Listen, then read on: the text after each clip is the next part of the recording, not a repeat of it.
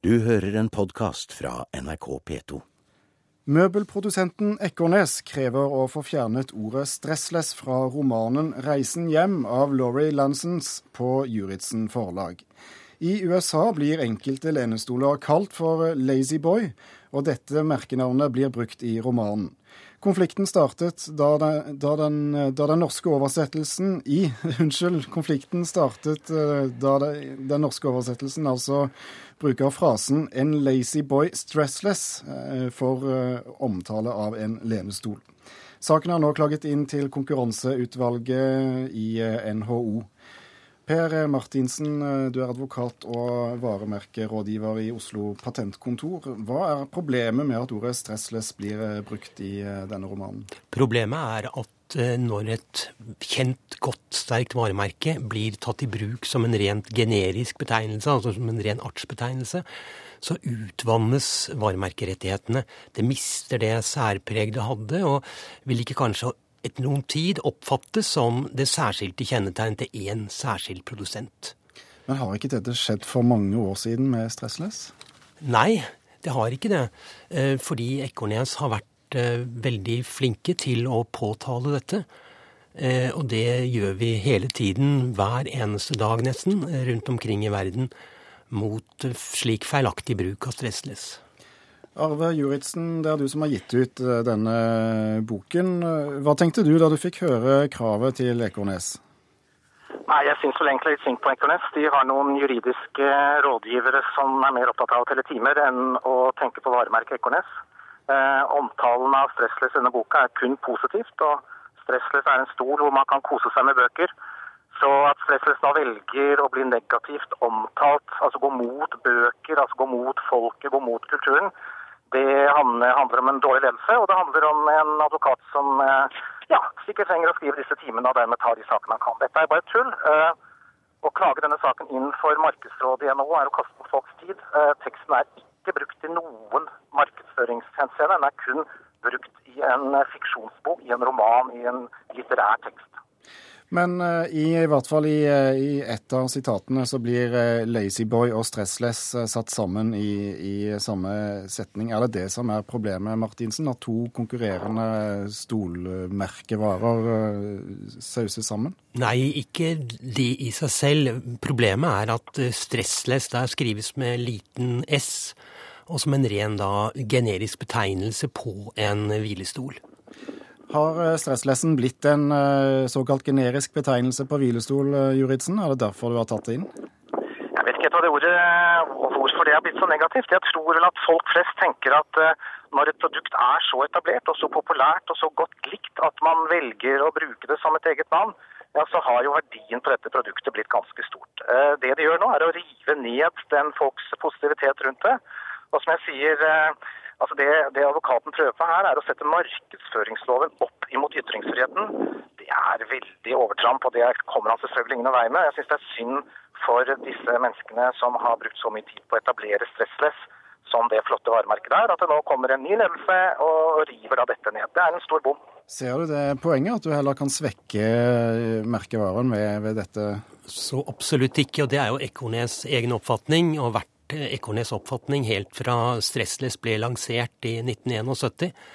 Og man brukte noen år på å bygge det opp, men siden har man forsvart det med nebb og klør i alle år etterpå. Og dette har ingenting med begrensning i ytringsfriheten å gjøre. Selvfølgelig har det. Opptatt, nettopp nå satt og argumentert med at du har skrevet med en liten S. Du er ikke bare ute og redigerer en bok, du redigerer til og med hvordan ting staves. Så dette er virkelig det handler om ytringsfriheten. Det er selvfølgelig ikke slik at en pengesterk eh, møbelprodusent med en timekåt advokat skal gå inn og bestemme hvordan man bokstaverer og staver norsk skjønnlitteratur. Ja, Martin... Det er en så stor misforståelse at det er flaut. Martinsen, du, du eh, representerer Ekornes eh, som advokat i, i, i, denne saken. Hvor reelt er det å kunne bruke markedsføringsloven på og, som Juritzen påstår, redigere skjønnlitteratur? Det er helt eh, legitimt. Det er nedfelt i både eh, lovens i og for seg ordlyd og i praksis knyttet til den, bl.a. avgjørelser i Næringslivets konkurranseutvalg.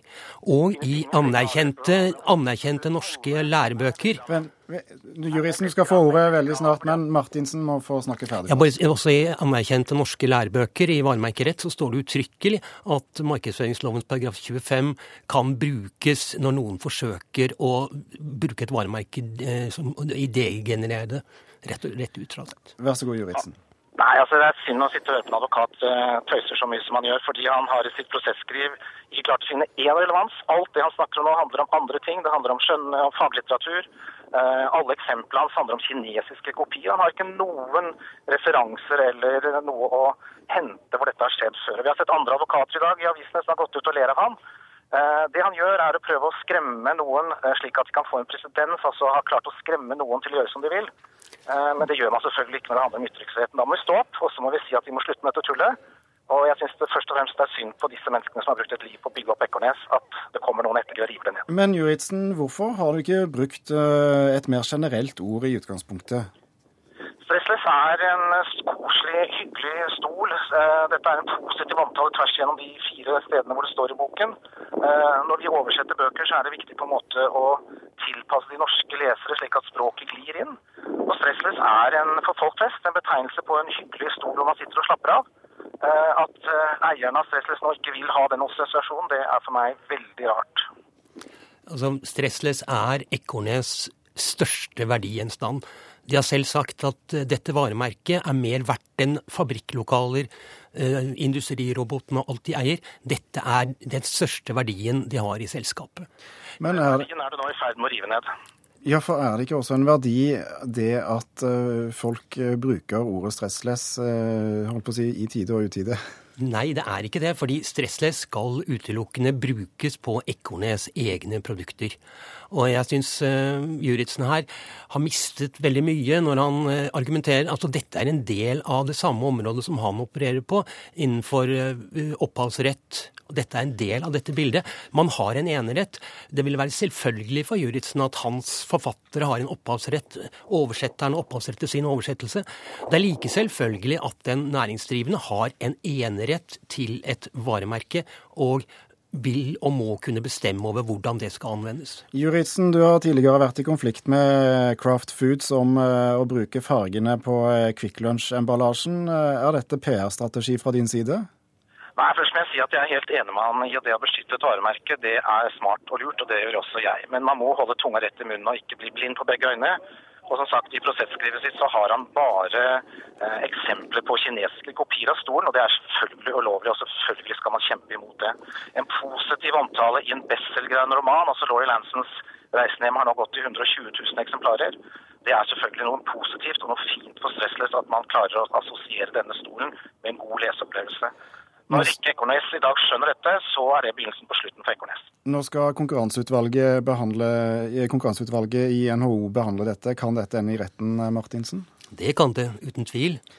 Takk skal dere ha, Per Martinsen, eh, advokat, og Arve Juritzen, eh, forlagssjef i Juritzen Forlag. Du har hørt en podkast fra NRK P2.